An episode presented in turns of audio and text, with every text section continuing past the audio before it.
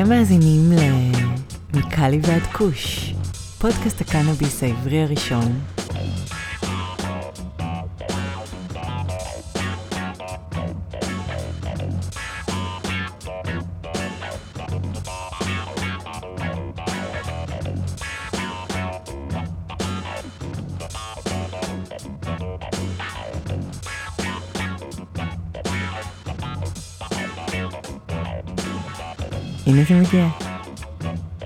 אהלן מה קורה ארי? צהריים טובים. כן, אוטוטו. איך המרגש? מה שלומך? שמע, אני מקליט עם, אה, עם המיקרופון.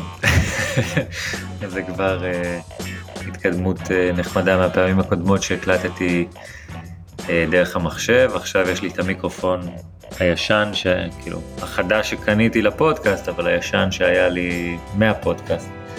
אז בהחלט מרגש, הייתי צריך להגיע למטולה, להוציא כמה דברים מהבית. אז בין, בין הטילים ובין ההתראות הצלחנו להיכנס, להוציא כמה דברים, ואמרתי שהמיקרופון זה אחד הדברים שאני חייב להוציא, אז מקווה שאתה שומע אותי יותר טוב מהפעמים הקודמות. שומע אותך צלול ובהיר, ושמח לשמוע שאתה עדיין בישראל, בטוח ושלם. איפה אתה נמצא בימים אלה? בקצרה?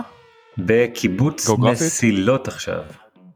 או, אז באותו מקום שאני חושב שהקלטנו את הפרק שאנחנו נשדר היום, מה שמביא אותי בעצם לאורח שלנו היום, ולאורח קוראים איתי רוגל, ועם איתי דיברנו לקראת סוף שנה שעברה, לפני מספר שבועות, על uh, כל מיני נושאים מעניינים, קודם כל על בזלת, על החברה בה הוא עובד בתור uh, מנהל פיתוח עסקי, ודיברנו על מה החברה עושה, על הייחודיות שלה, הרבה מאוד על uh, טינקטורות וגם על גליליות, שמצחיק, אבל קטגוריה שנותנת בראש לפחות פה בקליפורניה ומדינות אחרות בצפון אמריקה, אז קצת דיברנו על ההבדלים בין גליליות או פרי רולס בישראל מול uh, כאלו שמיוצרות פה בארצות הברית, ועל כל מיני נושאים אחרים מרתקים. אז uh, ברשותך, אני מציע שנקפוץ לרעיון עצמו ונקשקש כרגיל אחריו. מה אתה אומר? יאללה. קדימה, אז זהו איתי רוגל. איתי רוגל, בוקר טוב, ערב טוב, מה שלומך? אהלן, בסדר, בסדר, אה, איך אומרים בימינו, אה, כל יום, כל יום ויומו. כאילו day by day, כן. זה נשמע קצת יותר טוב באנגלית. ככה אני... לגמרי. לגמרי, אז לפני שאנחנו מתחילים, תן לנו אוריינטציה גיאוגרפית, איפה אנחנו מוצאים אותך היום? אה, מוצאים אותי עכשיו אחרי יום עבודה, חזרתי לשוהם. זה בערך אה, שעה נסיעה ממקום העבודה. יפה. כן. אז אני נמצא כרגיל בלוס אנג'לס, קליפורניה רחוקה, וארי שותפי להנחיה, היום אה, חזר לו לישראל. איפה כן. אתה נמצא בישראל ארי? קיבוץ מסילות, שזה עמק המעיינות, אחד האזורים היפים, אה, היפים בארץ. ובקצרה הבית במטולה עדיין שלם או ש... החלונות uh, לא. בינתיים, בינתיים הבית עוד שלם אבל החלונות uh, נופצו להם. לא יכולתי... בקטנה. לח... כן, לא יכולתי לחזור הביתה בינתיים אז מקווה uh, ש... נוכל להגיע, אולי להוציא קצת אה, דברים, למה חורף וגשם וחלונות אה, מנופצים זה לא אידיאלי. לא, לא כיף בכלל. לא. יפה, אז איתי, ברשותך, לפני שאנחנו צוללים מה שנקרא אל עמקי הרעיון, ספר לנו ראשית קצת על הרקע המקצועי שלך, ובעצם הסיבות שגרמו לך להיכנס לתעשיית הקנאביס. אה, אז באמת יש פער בין הרקע המקצועי לבין תעשיית הקנאביס, אני במקור אני אה, עורך דין, אה, אני לא עוסק בתחום הזה כבר הרבה שנים, אבל בתחילת הדרך שלי עסקתי בעולם של ליטיגציה, אחרי זה בניהול של נדל"ן מניב לכל מיני קבוצות שעוסקות בנדל"ן מסחרי בישראל. אבל אני ככה באיזשהו מקום אני, אני יזם במה, במהותי, אז אחת לכמה שנים אני משנה עיסוק, משנה מקום עבודה, הייתי שמונה שנים אה, עצמאי, הייתה לי חברה עצמאית, והתגלגלתי במקרה לתחום הזה, חיפשתי משהו שונה ממה שעשיתי לפני כן. הכרתי את מאיר אריאל שהוא המנכ"ל של בזלת היכרות קודמת והציע לי להצטרף אז אמרתי למה לא בוא נלמד משהו חדש. באמת לא, לא הייתי קרוב לתחום הזה בכלל, לא בצורך ולא בעשייה. אבל אה, כן, זו הייתה נקודת הכניסה, ככה ממש בראשית 2018 אה, ועד היום. יפה, אז אנחנו כאמור בסוף 2023, ספר לנו כן. קצת על אה, בזלת, בכל זאת נחשבת אחת מחברות, מחברות הקנאביס הוותיקות בישראל, מה השתנה מאז ועד היום ומה הם תחומי העיסוק העיקריים של החברה? בזלת היא באמת חברה ותיקה, אבל בהיסטוריה שלה, למי שזוכר את ההסדרה הישנה, מה שנקרא, היא בעצם לא הייתה, היא לא הייתה מגדל, היא הייתה בתחילת הדרך ככה מ-2011-2012, היא אה, נוסדה כדי לתת שירותים למגדלים, בהתחלה זה היה הדרכה למטופלים ומסירה של ה... אה, בעצם הרישיון הראשון שלהם, הקנאביס שמגיע עם הרישיון הראשון. ולאחר מכן אה, מאיר המנכ"ל זיהה בעצם צורך אה, בעולם של ייצור, אז הוא הקים את אה, מתקן הייצור הראשון, מן הסתם אחד מהראשונים שנוסדו בעולם ב-2013. ממש מתקן שמייצר, אורז, ממצה וגם את התחום הזה של השילוח עד הבית, הרי זה לא היה משהו שהיה בכלל על השולחן, גם, גם תרופות אז לא שילחו, בוודאי שלא קנאביס עד הבית, אם אתם זוכרים רוב הקנאביס היה מחולק דרך אברבנל. אה, ולמעשה כל הפורמט הזה של משלוחים עד הבית נוסד על ידי בזלת. אה, והיא הייתה מוכרת כבעצם נותנת שירותים ללא מעט מגדלים שעבדו איתה, אדם שקיבל את הרישיון שלו בעצם היה מופנה אל בזלת ו- ו- ושם פוגש את החברה. זאת אומרת, היסטורית היא באמת הייתה חברה אחרת ב-DNA שלה, היא עסקה ב- ב- ב- בשילוח הזה עד הבית, בהדרכה, היא לא הייתה מוכרת כאיזשהו, אה, את אחד, מ- אחד מהשמונה מה שנקרא. אבל בעצם עם הזמן זה התגלגל להיות אה, למעשה מפעל הייצור הכי גדול בישראל, והפיבוט לשינוי הוא ככה מ-2016, כשנכנסו ההנחיות לרגולציה החדשה, אז מ-2016 התחילו להקים מתקן אה, GMP מסודר אה, באור עקיבא, שנכון להיום כבר אה, משתרע על שלושה מבנים, 15 אלף מטר, מעל 5,000 מטר של חדרים נקיים. החברה היום בעצם היא, ב-DNA שלה אנחנו יצרנים, אנחנו uh, עושים את השיווק, אנחנו עושים את המסירה, את הלוגיסטיקה ואת ה, את השילוח בעצם בעיקר לבתי המרקחת. זה בצד, ה, נקרא לזה, הפיזי של הדברים. מעבר לזה, אנחנו גם חברה מאוד שונה ב-DNA שלה מחברות אחרות, לא רק בישראל, כי גם עוד מ-2016 עוסקים הרבה מאוד בצד של קניין רוחני. אה, למעשה אנחנו חברה אה, שמחזיקה מעל 60 בקשות של מה שנקרא משפחות פטנטים, בתחומים שונים מפורמולציות לתהליכי ייצור, לדברים נוספים, ובמובן הזה אנחנו מאוד מאוד אה, שונים, כי, כי יש פה הרבה מאוד מדע שמסתתר מאחורי הצד הפיזי של הייצור והשילוח. אז אנחנו בסופו של דבר עומדים על כמה רגליים, הרגל של הייצור, שבה אנחנו מייצרים עבור אה, גם מוצרים עבור המותגים שלנו וגם עבור לא מעט אה, שחקנים בשוק הישראלי. אה, הצד של הלוגיסטיקה והצד של ה-R&D, הצד של המו"פ. אז זה נשמע, תקן אותי אם אני טועה, זה שאתם חולשים בעצם על כמעט כל התחומים בתעשייה מלבד גידול, נכון?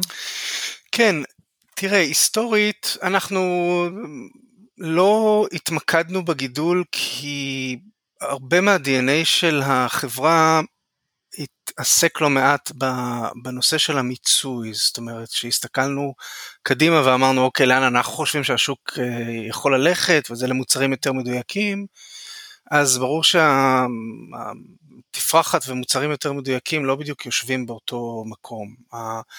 הנחת היסוד שלנו שלא באמת התממשה כמו שחשבנו, זה שיקומו מגדלים ויותר מגדלים בישראל, שבעצם יוכלו לגדל את מה שאנחנו רוצים אה, שהם יגדלו, והתוצרת הזאת אחרי זה תעבור למפעל להמשך עיבוד וייצור והפצה.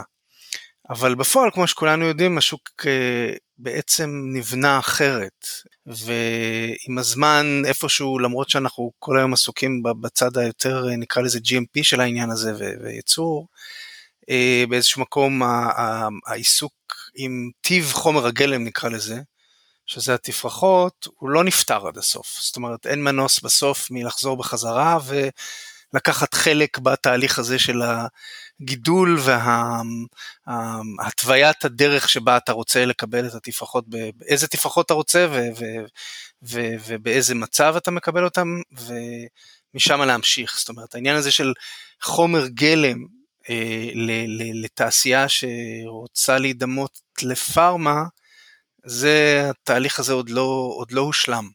והכיוון הוא באמת פארמה? זאת אומרת שאתם מסתכלים קדימה, האם הכיוון שהחברה הולכת הוא רק לכיוון, לכיוון הזה של אה, קנאביס רפואי, או האם יש גם uh, רצונות או שאיפות ללכת לכיוונים אחרים, אם זה full recreational או אולי wellness שזה מילה מכובסת ל... אתה יודע, בין פארמה לבין uh, uh, שימוש פנאי? איך אתה רואה את זה? תראה, זה, זה, יש פה שאלות שאתה יודע, גם, ה, גם הראייה והתכנון האסטרטגי לגבם הוא, הוא משהו שמשתנה כל הזמן. זאת אומרת, הרצון שלנו כחברה וב-DNA שלנו זה ללכת בעקבות הפארמה, לחקות את הפארמה, ובסופו של דבר לשלב ידיים עם תעשיית הפארמה כדי להוציא מוצרים מדויקים, כדי להיות בסוף עם משהו שיש לו עתיד, גם, גם בצד העסקי, וגם בצד של אה, לקיים את הדבר הזה שנקרא מדיקל קנאביס, כי אתם נמצאים לא מעט אה, מחוץ לגבולות ישראל, ואתה נמצא למשל ב, בלוס אנג'לס, ואני בטוח שאם ישאלו אותך מה קרה במעבר ממדינה שבהתחלה הכירה במדיקל קנאביס ואחרי זה פתחה פול ריקריאיישנל, מה קרה לצד הזה שנקרא מדיקל קנאביס? הוא, הוא די נעלם. הוא נעלם כי, כי אין מספיק בידול בין ה... מעבר ליתר הדברים, בסוף אין מספיק בידול בין uh, משהו שהוא uh, להנאה לגמרי לבין uh, צד שהוא אמור להיות מדיקלי ו, וכדי להתקרב או כדי לבדל בין שני השווקים האלה, אתה צריך להגיע למצב של מוצרים אחרים. הבידול צריך לקרות דרך המוצרים. אז אנחנו כחברה, כמובן שהשוק הישראלי, שהוא השוק העיקרי שלנו, הוא שוק אה, שהוא מוטה תפרחות,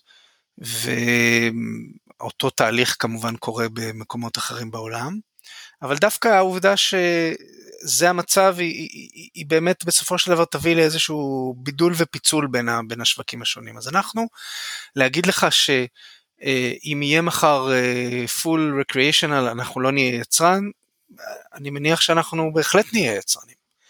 אה, להגיד לך שאנחנו רוצים להתמקד ולהשקיע הרבה משאבים בצד של אה, מוצרים שהם אה, לשוק הרפואי, התשובה היא בהחלט כן. אוקיי. Okay. ברשותך אני רוצה דווקא לעבור ולדבר על שתי קטגוריות משניות יחסית, קטגוריות שהן בגדילה מתמדת, שבזלת נחשבת אחת המובילות בתחומן בארץ. הקטגוריה הראשונה היא גליליות או פרי רולס בלשון העם. והקטגוריה השנייה היא טינקטורות. כן. אז ברשותך תן לנו סקירה קצרה על שתי הקטגוריות הללו, גודלן היחסי בשוק, כמו גם על המוצרים הזמינים כיום בישראל, אם זה שלכם או אם זה של אה, חברות מתחרות. כן, אז אה, קודם כל בואו באמת נדבר רגע אחד על אה, גליליות, כי זה מין באמת מוצר, כן, נאמר ככה, כמוצר מוגמר, אין עוד רגולציה כלשהי בעולם שהיא רק מדיקלית שבה מוכרים גליליות. זאת אומרת, לא תמצא אה, גליליות באוסטרליה או בגרמניה או בפולין או, ב, או באנגליה לצורך העניין. בארץ אפשרו את זה כמו שאפשרו את יתר המוצרים בגלל שזה מה שהיה בהסדרה הישנה ואמרו אוקיי מה שהיה הוא שיהיה, תרצו משהו חדש נדבר. אז הגליליות בעצם אה, למעשה היו הרבה הרבה הרבה יותר נפוצות כמוצר נמכר למטופלים בישראל בהסדרה הישנה, והשינוי בעצם עם ההסדרה החדשה ועם כניסה של יותר ויותר אה, חוות ויותר ויותר זנים למעשה השוק הזה של הגליליות הצטמצם. היום הוא יחסית באמת מוצר נישה, אבל מבחינתנו כאנשים שעוסקים בזה ביום יום, לא, לא ב, באופן לא מוצדק. זאת אומרת, יש המון יתרונות, יש גם אולי חסרונות גם לתפרחת שנגרסת, אבל יש גם יתרונות. אה, בעיקר במקום הזה שבו אתה יכול לערבב זנים וליצור בעצם את השילוב של ה-THC וה-CBD ולהגיע למוצר שמבחינה אה, מבחינה של יצרן הוא מוצר הרבה יותר הומוגני. אתה בעצם יכול להגיע לדיוק של החומרים הפעילים הרבה הרבה יותר נכון ו- ומוחלט במוצר כזה שהוא מבוסס על חומר גרוס מאשר בתפרחת. אז yeah. אה, גליליות הן אה, בישראל בעצם נמכרות בתצורה של אה, חצי גרם ושל גרם. הן בעיקר היום נצרכות על ידי כמה סוגים של מטופלים נאמר ככה. חלק ממטופלים חדשים שלא מכירים את עולם התפרחת, לא מכירים את עולם העישון, הוא זר להם, לא מעוניינים כל כך להתעסק עם, ה, עם, ה, עם הפרח עצמו, ומבחינתם זה שהוא, איזשהו פתרון נוח. אה, ואוכלוסייה אחרת היא של אנשים מטופלים שיש להם למשל אה, בעיות מוטוריות שמקשות עליהן בכל מה שנוגע לגריסה וגלגול וכדומה, ואז הגלילית היא אה, פתרון יותר פרקטי. אה, ובחו"ל כמו שאתם יודעים גליליות אה, גלילית אחת של, אה, של זן טוב כמובן נמכרת במחיר של, של יחידה של 10-10 גרם בישראל אבל זה כבר סיפור אחר הוא באמת מראה כאילו את, ה, את הפוטנציאל של מוצר כזה מאוד תלוי שוק. אז כן זה... אתה מדבר אבל שוב לא אנחנו כרגע לא מש... משווים אפל טו אפלס פה כן. מדובר בקטגוריות קצת שונות ומוצרים קצת שונים. מעבר לזה שהמחיר שנקבת לדעתי הוא לא בהכרח מדויק, אני לא בטוח אם יש באמת פרי רול של גרם פה שעולה יותר מ-100 שקל. אה, אני כן יכול להגיד שבניגוד למה שאמרת פה קטגוריית הפרי רולס מתפוצצת, אה, כן, היא דווקא כן, בגדילה כן. מתמדת, והיא כוללת בתוכה לא רק את המוצרים שאתה הזכרת, אלא מוצרים יותר מגוונים, אם זה infused pre-rolls, אם זה קנגרס אה, או כל מיני מוצרים דומים ויותר יוקרתיים. ובסופו של דבר, אם אתה מסתכל על הנתונים ושואל את השאלות, הקטגוריה הזאת בגדילה בין היתר ובעיקר בגלל הנוחות, הפרקטיקה, אוקיי?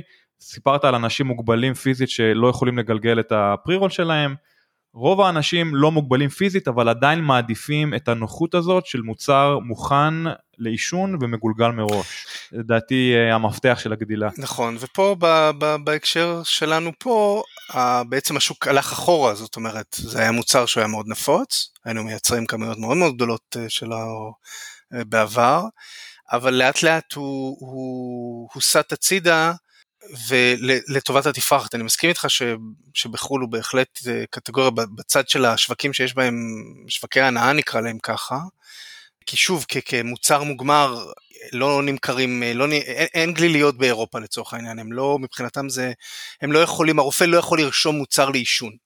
זאת אומרת זה מין משחק מילים כזה אנחנו כולנו יודעים את זה. בצדק כן. תכף נדבר על זה כן. גם בצדק אז, אוקיי. אז זה לגבי באמת הגליליות שאני מסכים שלחלוטין יש לזה המון פוטנציאל זה משהו שניתן לעשות לו מניפולציה במובן הזה שאפשר להשאיר אותו אפשר אפשר ליצור אה, מוצר הרבה יותר מתוחכם שהוא מבוסס על חומר גרוס אין ספק.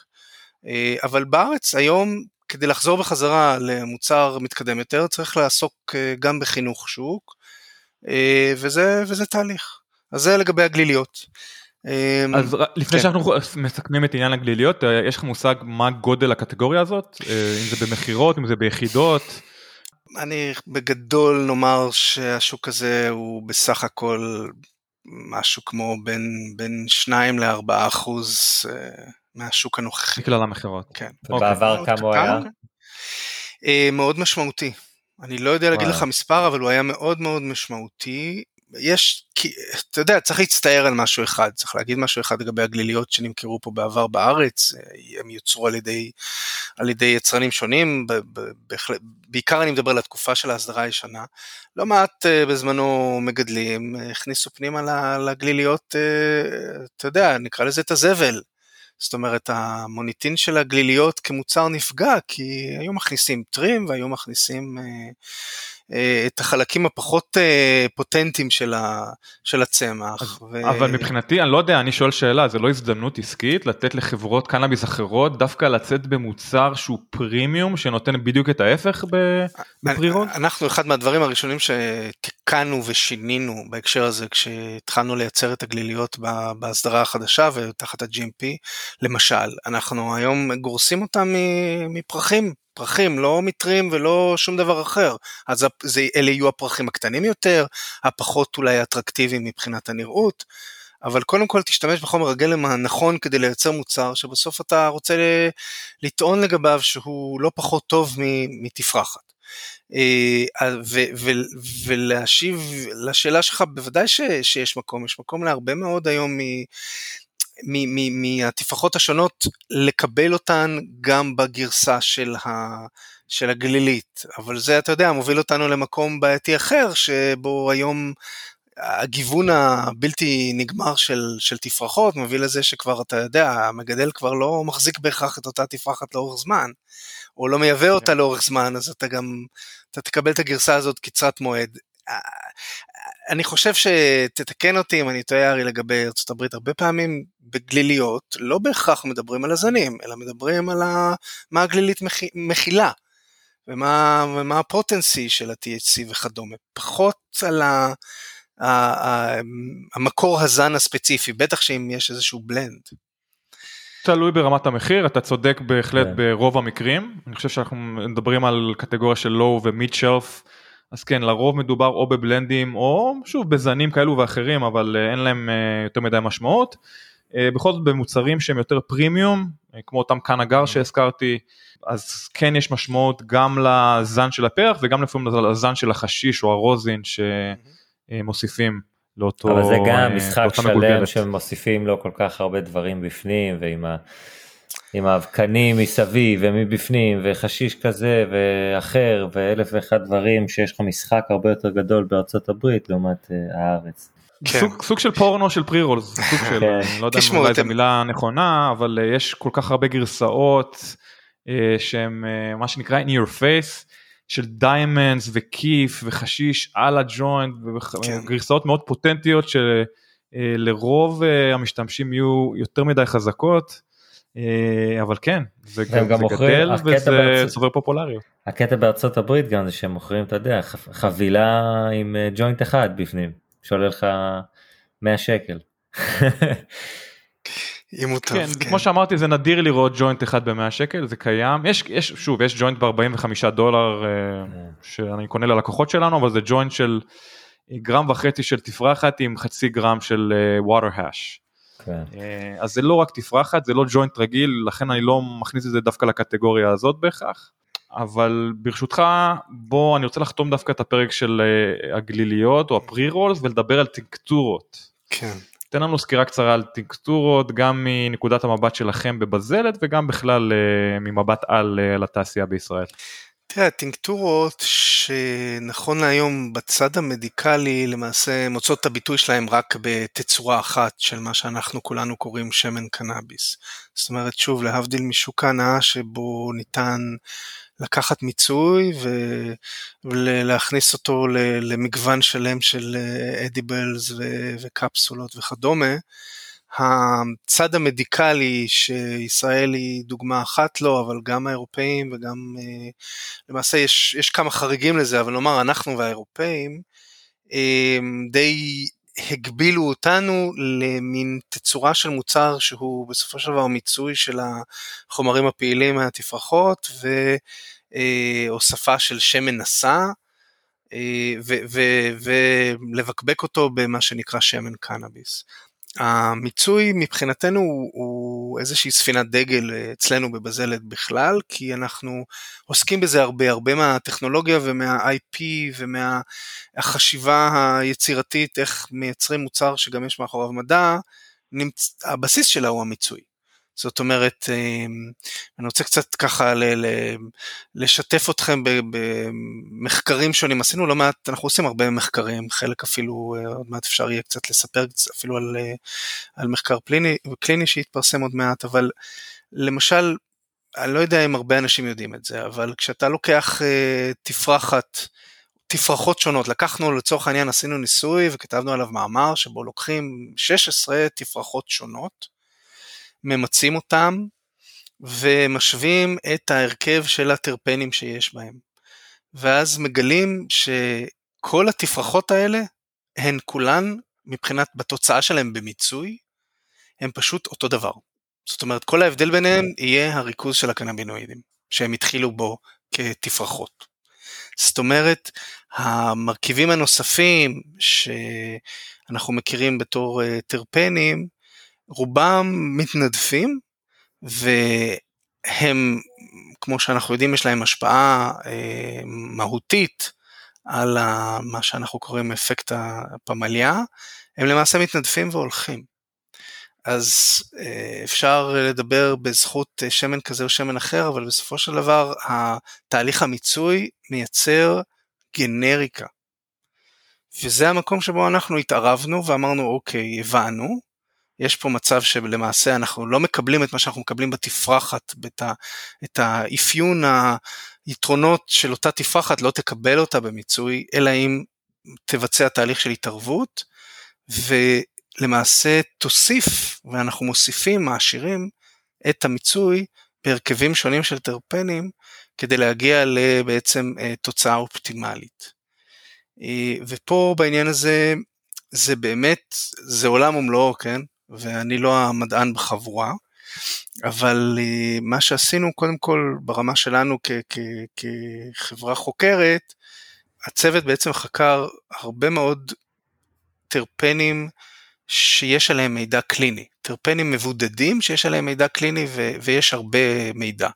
ונעשו לא מעט ניסויים עם טרפנים מבודדים לאורך השנים, כי טרפנים הם למעשה חומרים שנמצאים אה, בטבע ב- ב- בכל מיני צמחים ופירות ו- והם זמינים ו- והתבצעו עליהם לא מעט ניסויים ולקחנו את המידע הזה, אה, אספנו עוד מידעים שונים ברמות של משהו כמו מיליון נקודות אה, מידע שונות שהגיעו מכל מיני מאגרים של אפליקציות מצפון אמריקה, שאפשר היה לנתח את הזן ולנתח את פרופיל הטרפנים ואת הבן אדם שמשתמש.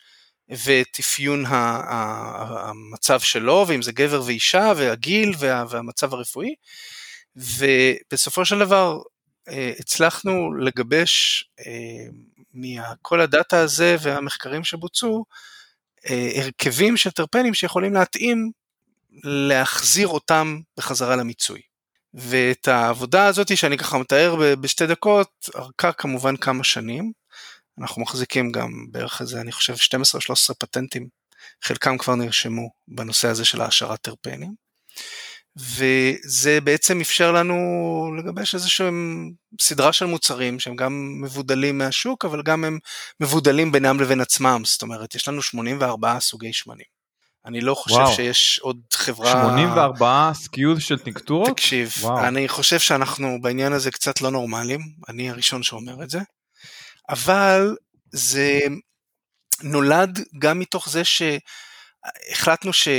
יש כל כך הרבה הרכבי טרפנים מתאימים לאוכלוסיות שונות. הגיל השלישי ואנשים בני 30 ו-40 לא מגיבים אותו דבר, נשים, כמו שאתם יודעים, לא מגיבות לקנאביס אותו דבר כמו גברים.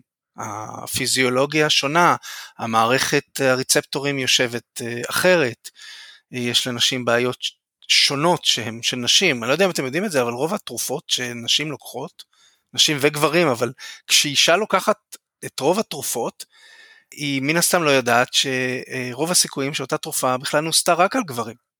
זאת אומרת, אפילו המינון המומלץ לתרופה כלשהי הוא בכלל מינון מומלץ שנוסה על גבר.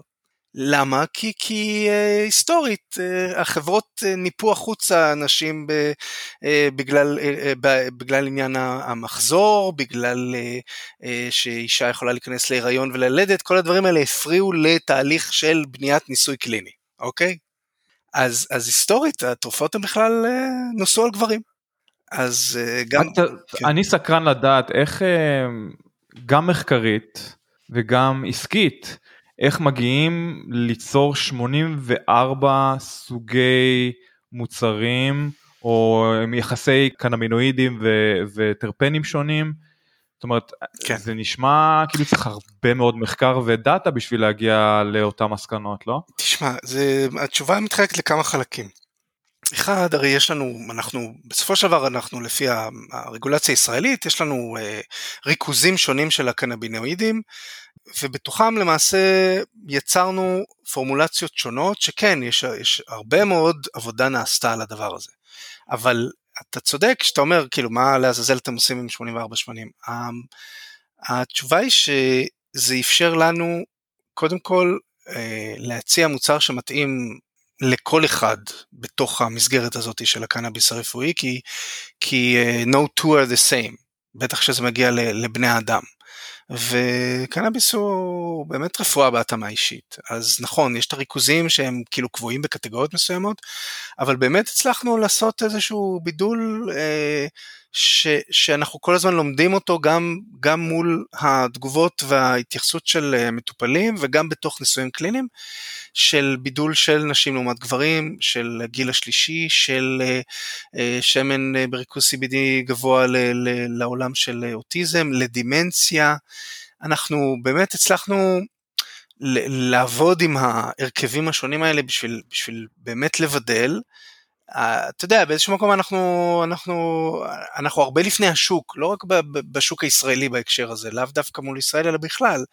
זה תפיסה כזאת של, של חברה שיש לה סבלנות ו, ומשתמשת באמצעי הייצור הגדולים שלה בשביל, בשביל לעשות מהלכים שכן, הם, הם, אתה יודע, יניבו או לא יניבו ואנחנו נלמד מהם לאורך שנים. זה מאפשר לנו גם לאסוף דאטה, אבל גם באמת אה, לשרת אה, מגוון רחב מאוד של, של מטופלים, ב, כמו שאמרתי, גם בהבדלי גיל, גם אה, מגדר ו, ומצבים רפואיים. זה, זה, זה, בעינינו זה יתרון מאוד משמעותי, גם אם, אתה יודע, בריכוזים מסוימים או מוצרים מסוימים נמכרים פחות. זה, זה בסדר, אתה יודע, יש לפעמים היתרון לגודל מכסה את זה. אוקיי. Okay. אגב, זה מבחינתי אירוני שבחרתם להתעסק גם בגליליות פרי רולס ומצד שני בטינקטורות, כי מצד אחד זה הקטגוריה הכי לא רפואית מול הקטגוריה הכי רפואית, כמו שאני רואה את הדברים. ובהקשר לזה, אם אתה רוצה להסביר לנו מה בעצם היתרונות המובהקים של צריכת קנאביס על ידי טינקטורה, בהשוואה לעישון, אידוי או אמצעים אחרים. תראה, בגדול הרי השימוש ב... בעצם בעישון או אידוי של קנאביס, כמו שאנחנו יודעים, ה-onset time שלו, הזמן בעצם ההשפעה, אה, מכיוון שהוא אה, נשאף לריאות, אז אה, זמן ההשפעה הוא, הוא קצר, הוא מגיע מהר הרבה יותר למערכת הדם והוא, והוא גם מתפוגג מהר יותר. באופן טבעי שמן או כל מה שלמעשה צריך להיכנס בסוף למחזור הדם וגם עובר חלקו במערכת העיכול, לוקח יותר זמן לפעול, זאת אומרת השפעה של שמן יכולה להיות אחרי שעה או שעתיים, אבל היא תחזיק ליותר זמן, יכולה להחזיק לארבע או לשש שעות, אבל גם פה אנחנו הרבה פעמים רואים שאם אנשים מטופלים מתחילים לקחת שמן ושומרים על הטיפול, למעשה מתמידים בו לאורך זמן, אז הוא, הוא יכול להחליף אה, את התדירות בוודאי של הצורך אה, לחפש את המזור הקצר יותר אה, בטווח שלו דרך עישון או אידוי. זאת אומרת, אם אתה לוקח את השמן לאורך הזמן והגוף מתרגל אליו והוא, והוא כבר בתוך הדם, הוא בהחלט אה, ישפיע ויסייע כדי אה, להוריד, להפחית תסמינים, ככה שהוא לא, אתה יודע, זה לא תמיד כאילו, זה, זה לא באמת להשוות אה, תפוחים מול תפוחים, אבל הוא, הוא, הוא מוצר אחר, והוא הוא כמובן בעינינו גם איזשהו מוצר בדרך, זאת אומרת, אנחנו שואפים גם להגיע לעוד עוד מוצרים עם עוד צורות מתן, עם עוד אה, דרכים שבהם ההשפעה תהיה מהירה יותר ולאורך זמן, אבל אה, זה נולד קצת כי זה מה שהיה בשוק, כי ככה הכירו את, ה, את, את, את הדבר הזה שנקרא מיצוי. אה, אבל יש עוד, יש עוד הרבה עבודה לעשות, אבל הוא, הוא בהחלט מוצר שאם יש למטופל או מטופלת סבלנות להשתמש בו לאורך זמן, אז הוא, אז הוא יעבוד. עכשיו דיברנו על הגליליות עם אה, נתח שוק יחסית קטן מאוד, מה המספרים אה, לגבי טינקטורות מבחינת נתח שוק? תראה, זה, אני, יש קצת, אתה יודע, נתונים קצת סותרים. באופן כללי, אם מסתכלים על אה, אתרים שונים שמפרסמים את הנתונים של היקר, או בכלל הולכים לנתונים של היקר, אה, למי שמכיר את הנתונים האלה, הוא יודע שהנתונים הם לא, לא, לא מראים את התמונה האמיתית עד הסוף, שזה קצת מצער, כי הכל נמצא בלחיצת כפתור במשרד הבריאות. אבל אה, מבחינתנו okay. אוקיי. אנחנו בעצם רואים את מספר בעלי הרישיונות, את מי קיבל שמן, מי קיבל תפרחת, מי קיבל גם וגם. ואז הנתונים איפשהו נעים בין, אה, בין 6 ל-8 אחוז. אני, בהקשר הזה, שוב, הסתירה היא לא בהכרח שהשוק הוא לא 6 או 8 אחוז, יכול להיות שהוא שם היום, אבל הסתירה גם נמצאת באיזשהו מקום בעובדה שאנחנו לא רואים את אלה שקיבלו נגיד מרשם גם וגם, אבל בחרו לא לקחת בתוך המרשם שלהם דווקא את השמן או את, ה, או את מלוא הגרמים שלהם, או, או את מרכיב השמן ב, במרשם. זאת אומרת, אם כל המטופלים היו לוקחים את כל מה שיש אצלם במרשם, מן הסתם אחוז השמן היה, היה עובר את ה-10-12 אחוז. אנחנו מניחים שהוא איפשהו, איפשהו סביב ה-6 ל-8 אחוז, הייתי אומר יותר לכיוון ה-8 אחוז. זה גם לא משהו שהוא תמיד קבוע חודש בחודשו, אבל אה, כן, זה, זה מרכיב שהוא לא מספיק גדול לטעמנו ביחס לתפרחת, אבל אה, אבל זו התנהל... איך אתה מסביר את זה? איך, אתה, איך, אתם, איך אתם מסבירים את זה? אגב, לא רק בבזלת, בכלל בתעשייה בישראל, ששוק שמבוסס על קנאביס רפואי, על שימוש רפואי, דווקא מעדיף שימוש בתפרחת, לרוב בעישון ובחלק מהמקרים באידוי, על שימוש בטינקטורה, ששוב, מבחינתי זה הכי רפואי שיש. מה, מה לא עובד שם? מה, מה ה disconnect? אה, ה disconnect הוא קודם כל בצורה שבה בנויה הרגולציה. זאת אומרת, שאם נאמר, בוא, בוא ניקח רגולציה מדיקלית, אבל אה, בוא נאמר יותר פתוחה מהרגולציה הישראלית, שזה האוסטרלים, אוקיי? אה, שפתחו את השוק הרבה אחרינו, ובתוך כמה שנים גודל השוק האוסטרלי הוא כמעט כמו בישראל. ופוטנציאל הגידול שלהם הוא מהיר יותר מבישראל.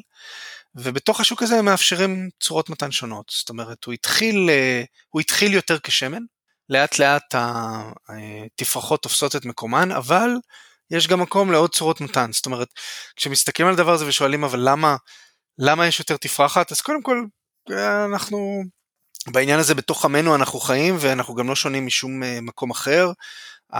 הבסיס של השימוש בקנאביס אה, היסטורית תמיד היה יותר מוטה לאנשים שרוצים להדות או לעשן, אה, ו, וזו נקודת ההתחלה של, של הרבה אנשים, גם אם לא מעשנים סיגריות, יותר אה, קל להם או יותר נוח להם כי הם רוצים את התוצאה המיידית, לעשן או להדות, ו, וזה תפס את המקום שלו, ומשרד הבריאות כ- כאיזשהו רגולטור שאמור אה, להתוות מדיניות אה, בריאות ציבורית, נקרא לזה ככה, לא החליט בראשית הדרך שנאמר, סתם לדוגמה, היה אומר, אוקיי, יש לכם מרשם של גם וגם, אבל אתם חייבים, אתם חייבים גם את זה וגם את זה, או לחילופין, אתם, כל השוק יתחיל משמנים ותפרחות יהיו במגבלת גרמים אה, יותר, יותר נמוכה.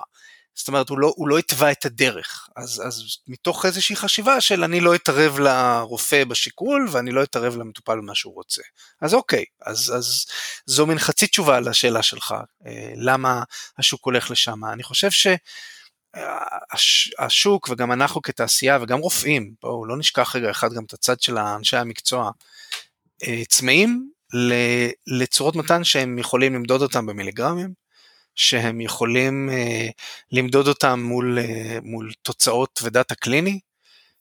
את זה בחיים הם לא יקבלו משימוש בתפרחות. זאת אומרת, פה יש פער נורא נורא נורא גדול, באמת, בין, גם בין השווקים השונים וגם בין מי שבסופו של דבר רושם את המרשם ו, ואמור אה, אחרי זה לעקוב אחרי מטופל ולהגיד, אוקיי, אני רוצה להבין מה זה עשה בשבילך. זאת אומרת, יש פה כל כך הרבה סתירות, אז זו עוד סתירה אחת בתוך, ה, בתוך השוק הזה. בהחלט. השוק הישראלי נראה לי שונה מהשווקים האחרים בעולם, המדינה שלנו, אנחנו אוהבים טבק. ונראה לי שזה מאוד משפיע על זה.